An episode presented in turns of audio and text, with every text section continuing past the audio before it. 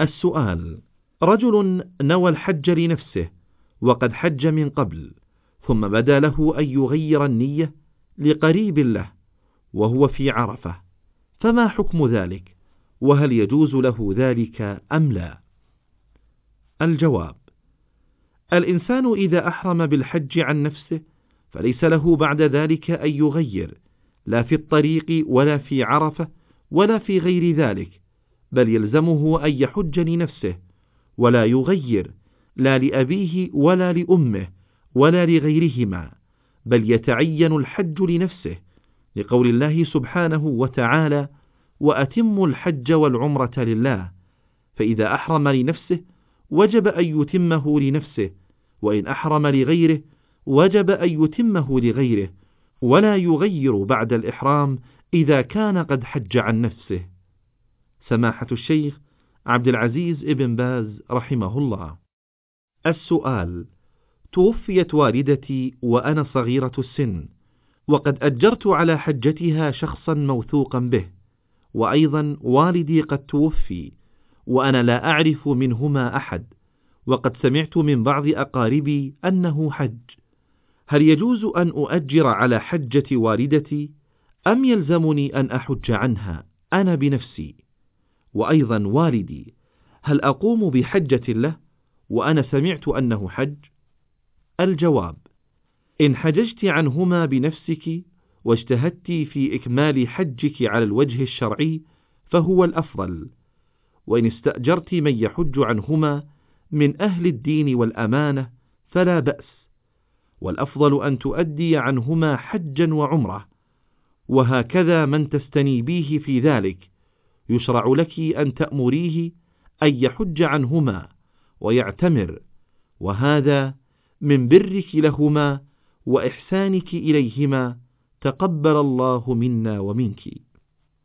السؤال امرأة أدت الحج وقامت بجميع مناسكه إلا رمي الجمار فقد وكلت من يرميها عنها لأن معها طفلا صغيرا علما أن هذا الحج هو حج الفريضة فما حكم ذلك؟ الجواب لا شيء عليها في ذلك ورمي الوكيل يجزئ عنها لما في الزحام وقت رمي الجمار من الخطر العظيم على النساء ولا سيما من معها طفل. السؤال هل يجوز أن يقوم شخص بتوصية شخص آخر بالحج عنه علما بأن الشخص الذي أوصى لا يزال حيا.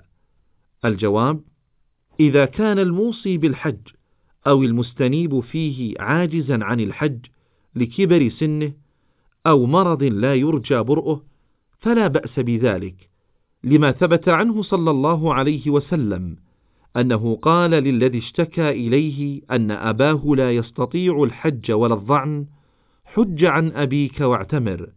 ولقوله صلى الله عليه وسلم للخثعمية لما قالت له يا رسول الله إن أبي أدركته فريضة الحج وهو لا يستطيع الحج حج عن أبيك السؤال إذا مات رجل لم يوص أحدا بالحج عنه فهل تسقط عنه الفريضة إذا حج عنه ابنه؟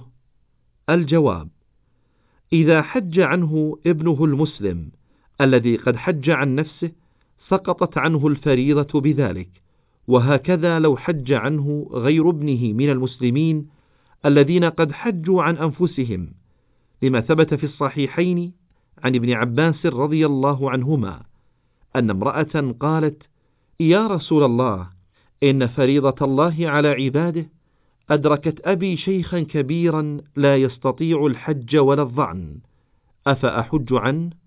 قال نعم حجي عنه السؤال متى يجوز التوكيل في رمي الجمرات؟ وهل هناك أيام لا يجوز التوكيل فيها؟ الجواب يجوز التوكيل في جميع الجمرات للمريض العاجز عن الرمي والحامل التي تخاف على نفسها والمرضع التي ليس عند أطفالها من يحفظهم والشيخ الكبير والعجوز الكبيرة ونحوهم ممن يعجز عن الرمي. وهكذا ولي الصبي والصبية يرمي عنهما والوكيل يرمي عن نفسه وعن موكله في موقف واحد عند كل جمرة يبدأ بنفسه ثم يرمي عن موكله. إلا أن يكون متنفلا فلا يلزمه البدء بالرمي عن نفسه لكن لا يجوز أن يتولى الرمي إلا من كان حاجا. أما الشخص الذي لم يحج فليس له أن يتوكل عن غيره في الرمي ولا يجزئ رميه عن غيره. لإعادة سماع الرسالة اختر زر النجمة. للعودة إلى القائمة السابقة اختر زر المربع.